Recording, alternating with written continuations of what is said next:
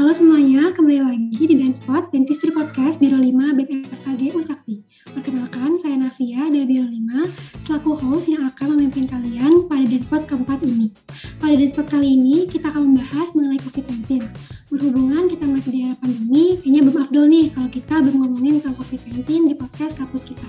Maka dari itu, pada kesempatan kali ini, aku akan ditemani oleh salah satu Satgas COVID-19 yang juga merupakan dosen di FKG Usakti. Pasti kalian penasaran kan siapa beliau? Kalau gitu langsung saja kita sapa nih, Dr. Gigi Muhammad Orlando Ruslan, MBiomed PhD. Selamat sore dok, apa kabar dok? Selamat sore uh, Navia ya. Navia, Iya, selamat sore dan yang lain semua. Ya, senang sekali saya sudah di, bisa diundang di acara podcast ini. Saya baru tahu kalau Ben punya podcast. Iya betul.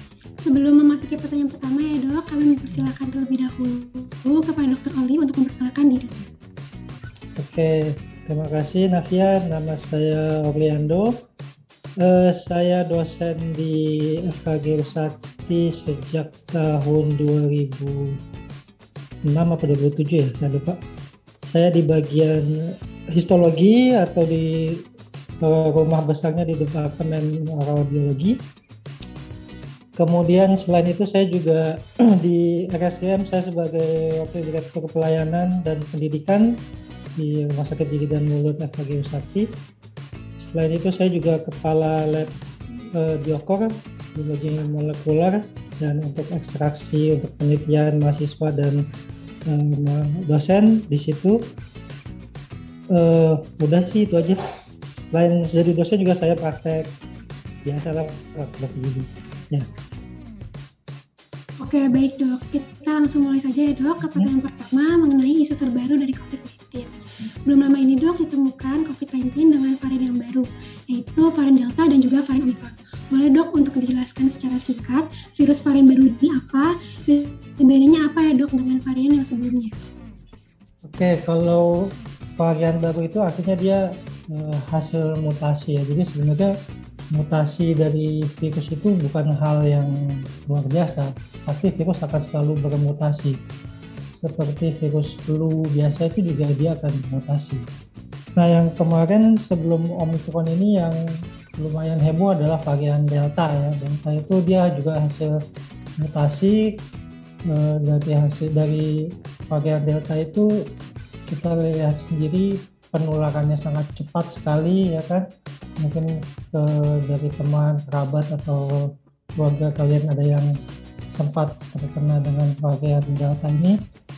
Selain itu juga tingkat keparahannya juga lumayan memberikan dampak ya cukup besar dari varian sebelumnya. Ya. namun alhamdulillah kita berhasil melewati si varian delta ini. Sekarang kita punya yang baru namanya omicron. Ya Omicron ini de- kalau saya lihat berita dari ha- sejak hari ini udah 162 ya di Indonesia. Sudah lumayan banyak.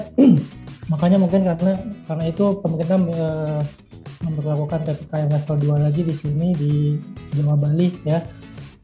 Tapi kalau kita lihat di negara-negara Eropa di situ dampaknya sangat besar sekali. Ya seperti kita lihat kemarin di Perancis itu tinggi sekali kemudian di UK juga tinggi sekali ya. Semoga semoga banget kita tidak sampai setinggi mereka dengan adanya omikron itu. Di eh, Amerika juga begitu tinggi sekali. Dan kalau dari yang saya baca itu omikron eh, penyebarannya juga cepat namun eh, tingkat keparahan yang diberikan berdampak tidak separah dengan Delta. Ya mudah-mudahan saja seperti itu. Mudah-mudahan juga Omicron tidak banyak menyebar di Indonesia khususnya di Jakarta ini ya. Saja gitu ya. Dok. Ya dok, jadi untuk dengan munculnya varian baru ini dok dari virus COVID-19 dok, Hmm. apakah kita memerlukan vaksin yang baru juga ya dok? Dan bagaimana dok dengan vaksin yang sudah kita terima sebelumnya?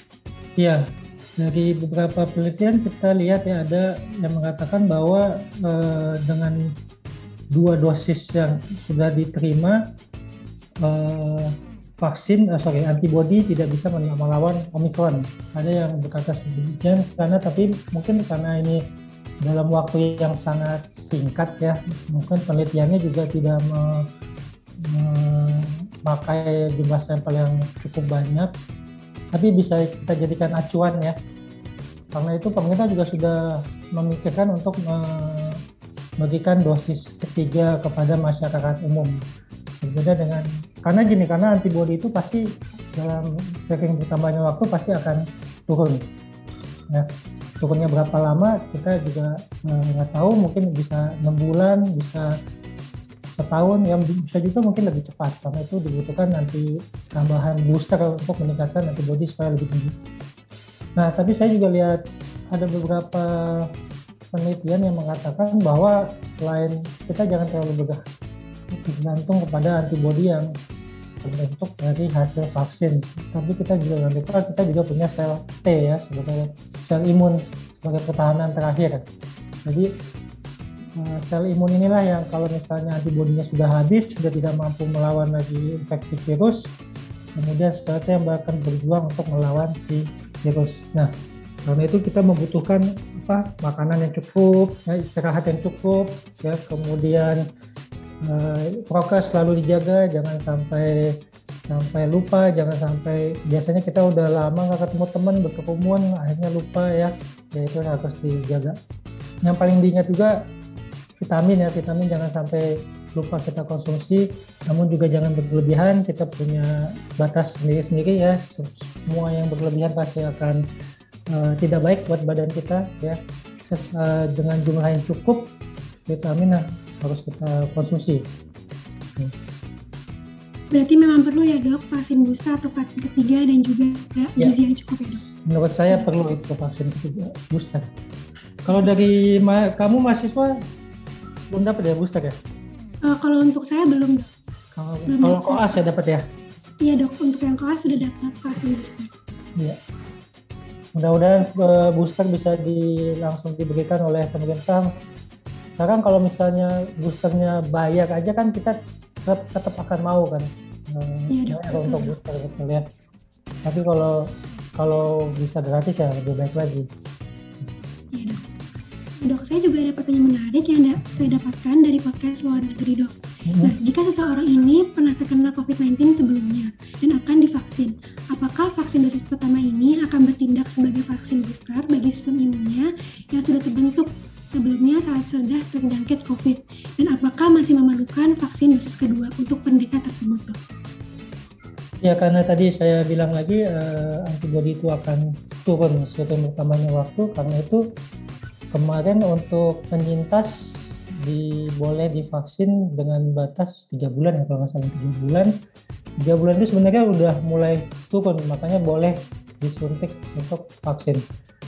Kalau saya kalau dibilang dosis pertamanya sebagai booster ya bisa-bisa aja sih kita bilang itu. Karena memang antibodi yang dihasilkan oleh penyintas itu jauh lebih tinggi daripada antibodi yang dihasilkan dari vaksin ya kan e, para penyintas itu antibodinya sangat tinggi sekali sedangkan dari vaksin eh, yang dihasilkan bisa hanya sepersepuluhnya dari antibodi penyintas. Nah, tapi ingat juga ketika kita sudah eh, vaksin ya supaya antibodinya bisa terbentuk tinggi, eh, kita harus konsumsi namanya banyak-banyak konsumsi protein. Karena antibodi itu adalah pure adalah semuanya protein. Jadi protein sangat dibutuhkan untuk membentukkan antibodi saya gitu. Oke dok. Uh, kami juga mendengar istilah baru dok yaitu long covid. Apa sih dok long covid itu dok?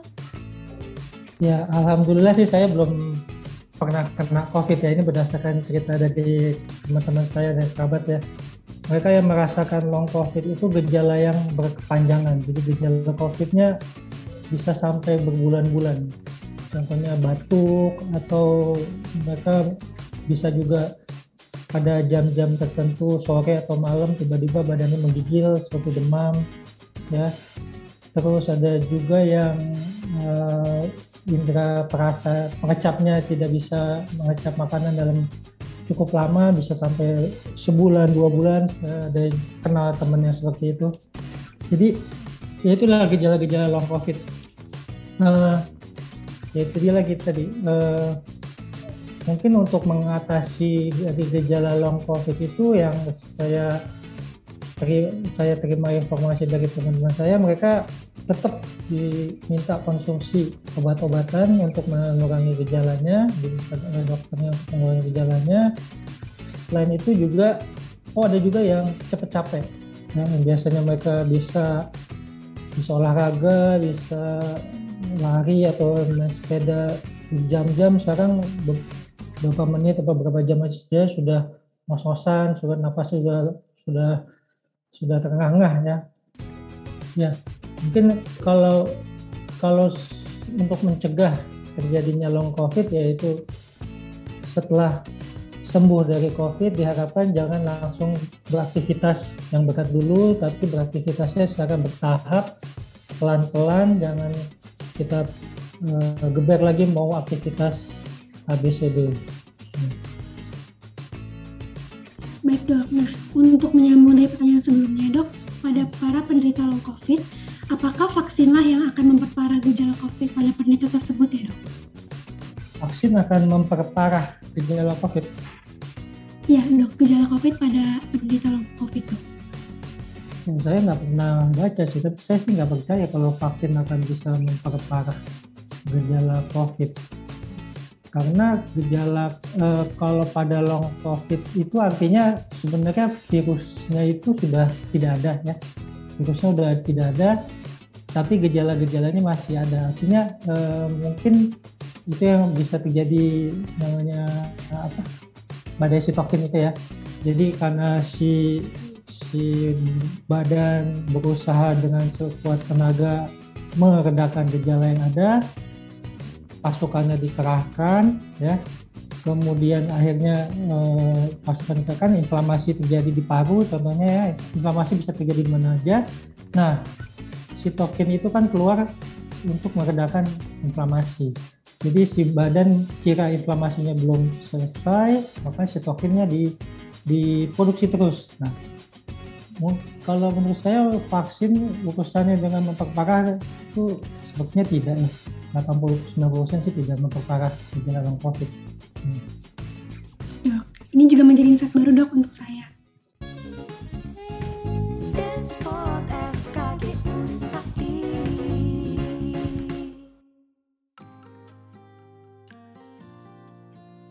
Untuk pertanyaan selanjutnya di masa pandemi ini kan masyarakat jadi banyak ya dok menghabiskan waktu di sosial media dan banyak sekali media-media memberitakan mengenai info-info tidak benar atau hoax mengenai COVID-19. Yeah. Nah dok, bagaimana pendapat dokter mengenai hal ini? Ada nggak sih dok hoax yang dokter tahu beredar di masyarakat dan dokter itu pengen sekali menyampaikan yang sebenarnya itu seperti apa? Khususnya ke, uh, kepada para pendengar podcast kami dok. Ya banyak sih ya hoax-hoax. Saya sebenarnya paling males baca grup WhatsApp yang isinya banyak hoax-hoax itu. Ya, yang saya ingat apa ya vaksin vaksin ada chipnya katanya ya saya ingat itu ya itu jelas-jelas sangat hoax sekali ya karena itu yang bikin banyak masyarakat tidak mau divaksin ya karena ada chipnya habis itu karena chipnya itu juga bisa apalah nanti saya apalagi ya yang hoax hoax itu ya apa yang kamu ingat nanti ya uh, mungkin kalau berkaitan dengan vaksin, vaksin uh, bikin kita jadi lebih sakit dok. Itu sih oh, iya. sebelumnya. Betul, sebenarnya vaksin itu ada reaksi reaksinya ya terhadap badan ya. Uh, mungkin iya, kamu dok. kemarin ada reaksi setelah divaksin? Uh, kalau saya sih demam sama tangannya ter terasa kebas aja sih dok. Betul ya. Jadi betul betul tadi saya kamu saya kamu udah ingatin terima kasih ya. Vaksin itu uh, bikin ada reaksi terhadap tubuh seperti kamu tadi demam, pegel di tangan ya. Ada juga orang yang tidak merasakan apa-apa, tapi ada juga yang sampai seminggu dia demam. Saya juga kenal ada teman saya yang seperti itu. Seminggu dia demam, kemudian ada yang diare ya, macam-macam. Ya, eh, saya sih selalu bilang eh, manfaat dari vaksin ini jauh lebih besar daripada hanya demam yang cuma sehari atau batuk atau pegel-pegel. Ya. Jadi manfaatnya lebih besar daripada hanya cuma sehari demam atau batuk, diare segala macam. Ya nggak sih? Iya ya. betul dok. Ya, manfaat yang kita dapat dari vaksin ini bisa mencegah kita sakit lebih parah lagi dari hanya itu, gitu kan?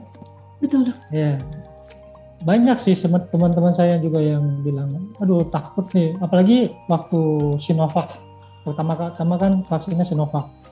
Sinovac karena buatan Cina mereka pada nggak mau pada nggak mau saya nunggu yang buatan Amerika aja lah atau yang buatan Inggris lah segala macam ya sekarang yang ada Sinovac waktu itu kan yang ada awal Sinovac ya udah kita ambil lah Sinovac. Walaupun Sinovac katanya hanya cuma 65 persen ya iya betul hanya kalau saya hanya 50 persen bisa melindungi aja saya ambil gitu. Ya ya nggak sih? 50 persen itu udah bagus lah 50-50 ya kita bisa melindungi diri kita. Apalagi di atas 50 persen itu udah bagus banget gitu berarti lebih lebih baik mencegah daripada mengobati ya dok? Nah, itu sendiri. betul banget betul banget. Ya. oke jadi untuk pada teman-teman semua jangan mudah percaya berita di luar sana ya. Harus uh, selalu di cross check kebenarannya. Iya. Oke dok.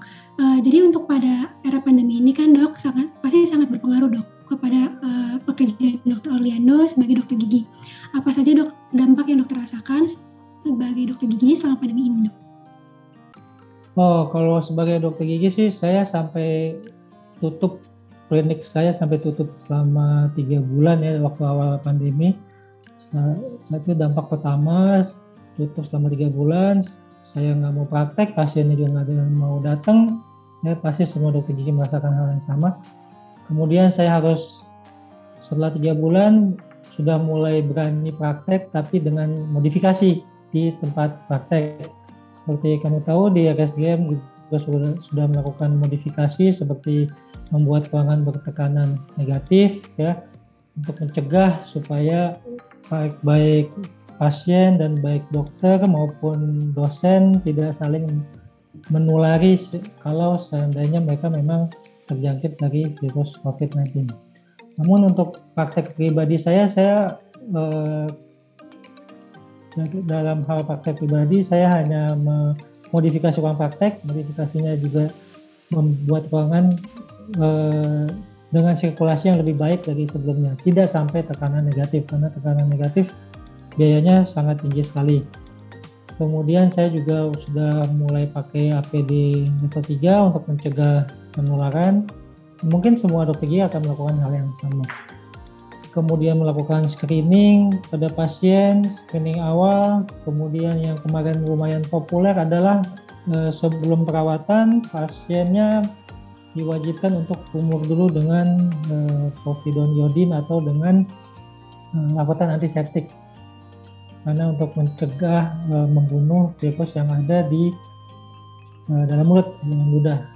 Ya Nah, walaupun sebenarnya penelitian-penelitian tentang uh, obat kumuk itu belum sepenuhnya reliable ya, belum sepenuhnya karena mereka masih memakai jumlah sampel yang cukup sedikit ya, karena ini semua adalah hal yang cukup baru ya, maka itu karena itu uh, kita harus tetap update nih, tetap update dengan penelitian-penelitian terbaru yang dilakukan di dunia ini.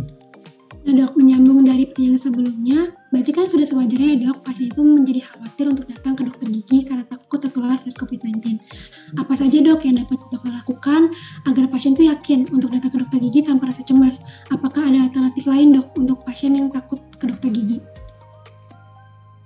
Awalnya kemarin eh, untuk pasien eh, kita hanya menerima pasien emergency ya jadi kalau dia keadaannya giginya sangat sakit dalam keadaan emergensi baru kita bisa uh, terima pasien tersebut.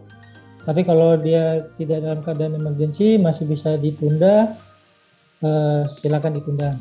Tapi sekarang sudah dua tahun ya mau ditunda sampai kapan? Jadi mau nggak mau pasien juga ya contohnya untuk pemeriksaan karang gigi aja ya scaling itu kalau dua tahun itu udah cukup numpuk sekalinya udah harus dibersihkan ya. jadi eh, hal yang eh, dihimbau untuk pasien supaya merasa aman adalah pertama dia harus eh, yakin kalau di di klinik atau rumah sakit yang dia tuju itu eh, benar-benar menerapkan protokol kesehatan yang dihimbau yang dianjurkan oleh eh, CDC atau oleh WHO ya Badan Kesehatan Dunia atau oleh uh, eh, CDC atau dari FDI dari uh, dokter gigi internasional. Nah itu sudah ada protokol-protokolnya. Atau kalau kalau dia karena kita tahu kalau di RSDM uh, pas untuk pasien koas uh, diwajibkan untuk swab antigen dulu H-1 ya kan. Demikian juga untuk uh, mahasiswa koasnya dan juga untuk DPJP-nya. Ya itu adalah hal-hal yang bisa dilakukan untuk mencegah penularan. Saya rasa kalau sudah swab antigen, pasien juga dalam keadaan yang sehat, tidak ada gejala, itu sangat baik. Sudah cukup aman lah untuk datang ke dokter gigi. Ya baik dok. Uh, mengenai teledentistry itu sendiri dok, apakah dokter menjalankan teledentistry dok di praktik sehari-hari? Oke, teledentistry. Terus terang saya tidak menjalankan teledentistry. Uh, karena kalau di RSGM ada teledentistry di klinik eksekutif, teledentistry itu uh, hanya di bukan hanya sih kita menerima untuk segala macam keluhan teledentistry, tapi biasanya kita tanya dulu keluhannya apa ke pasien. Kalau keluhannya gigi berlubang, kita akan menyarankan untuk langsung datang ke klinik eksekutif. Tapi kalau keluhannya berhubungan dengan penyakit mulut, kita bisa arahkan untuk teledentistry. Jadi teledentistry yang dikerjakan di rumah sakit gigi dan mulut klinik eksekutif selama ini adalah 80% adalah eh, keluhan dengan keluhan penyakit mulut. Karena dengan penyakit mulut bisa terlihat eh, walaupun tidak semuanya bisa terlihat dengan jelas ya eh, lesi-lesi yang ada di dalam mulut. Tapi Eh, sebagian besar bisa dilihat dan sebagian besar bisa diatasi langsung diobati langsung oleh dokter penyakit mulutnya. Nah dok, untuk pertanyaan terakhir, sebagai Satgas COVID-19 dan juga merupakan dosen di FKG Sakti, bagaimana dok cara dokter meningkatkan awareness agar tidak lupa untuk mematuhi protokol kesehatan COVID-19, khususnya kepada mahasiswa yang jangkau itu dekat dengan dokter yang bekerja sebagai dosen? Ya, kalau saya lihat di mahasiswa banyak yang mungkin karena sudah lama juga ya nggak datang ke kampus, begitu skill datang ke, kampus skill lab, ketemu teman-temannya suka lupa, suka berkerumun, ngobrol ya. Saya sering lihat itu uh, terus sebaiknya juga dipatuhi ketika masuk lift karena lift itu hanya untuk lima orang di, uh, dalam lift tapi mereka suka lupa suka masuk berkerumun karena nggak mau ketinggalan sama teman-temannya yang udah masuk yang duluan. Nah, kemudian uh, makan sih makan bareng itu yang sebaiknya harus dihindari. Karena mak dengan ketika kita makan kita buka masker kan. Nah, buka masker itu akan meningkatkan resiko ya. Saya juga suka lihat uh, di student lounge pada makan rame-rame. Ya mungkin makan rame-rame nggak apa-apa sih sebenarnya ya. Tapi jangan terlalu berdekatan lah ya. Kan juga juga udah di batas-batas ini kan ditandain ya supaya ada ya, jarak antara kursinya. Itu aja sih oh ya kemungkinan juga waktu waktu uh, zamannya delta bulan-bulan Juni Juli itu ya, ya sempat ada uh, outbreak di kos-kosan itu karena mereka belajar bareng waktu itu nah itu juga sebaiknya dihindari ya mudah-mudahan Omikron tidak seheboh Delta ya. Amin dok, amin. Akhirnya kita sudah sampai di penghujung dan spot episode keempat kali ini. Sebagai closing statement, dipersilakan kepada Dr. Loliando untuk menyampaikan pesan dan mungkin juga kata-kata penyemangat dok kepada para pendengar Spot agar semakin semangat dalam menjalani hari-hari di era pandemi ini. Dipersilakan dok. Iya, penyemangat apa ya semangat, jangan takut kalau belum divaksin jangan takut kayaknya semua kan sudah divaksin sekarang ya mudah-mudahan ya kemudian kalau ada booster langsung ambil boosternya jangan ragu-ragu karena booster juga eh, dibutuhkan ya untuk meningkatkan antibody kemudian jangan lupa prokes ya pakai masker, jangan berkerumun ya. Kemudian cuci tangan, jangan lupa udah pasti udah pada tahu lah sebagai mahasiswa kedokteran. Penyemangat ya semangat jangan sampai karena kita nggak tahu ini pandemi sampai kapan kita harus tetap semangat terutama buat mahasiswa mungkin sekarang cara belajarnya berubah ya terutama yang skill lab belajarnya jadi jadi biasanya bisa langsung tanya ke dosen. Sekarang ya kamu tahu sendiri lah gimana caranya belajarnya. Kemudian mungkin yang eh, yang koas yang koas semangat untuk cari pasien. Jangan sampai eh, karena eh, requirementnya juga sudah dikurangi ya kamu sudah boleh kerja di Phantom coba dimaksimalin. Enak banget kamu udah bisa kerja di Phantom kamu gak harus berurusan dengan pasien sebanyak sebelum pandemi ya. Kamu hanya berurusan dengan pasien uh, udah dikurangi sampai setengahnya ya kan? Setengahnya cobalah di, di, dimaksimalin uh, kebijakan-kebijakan yang sudah di, diterapkan di kedokteran gigi. Baik, terima kasih banyak kepada Dr. Orlando karena sudah hadir dan berbagi informasi yang sangat bermanfaat untuk pendengar semua. Semoga informasi tadi bisa membuat teman-teman pada pendengar menjadi lebih aware ya terhadap COVID-19. Jangan lupa untuk tetap menaati prokes dan menjaga kesehatan. Seperti biasa, saya belum afdol nih kalau kita belum akhiri podcast dengan pantun. Dr. Orlando beli melati. Cakep. Navia berangkat dari rumahnya. Stay safe and healthy. Sampai bertemu di spot berikutnya. Baik, terima kasih banyak sudah mendengarkan dan sampai jumpa di spot episode kelima. Terima kasih. Terima kasih banyak dokter. Sama-sama.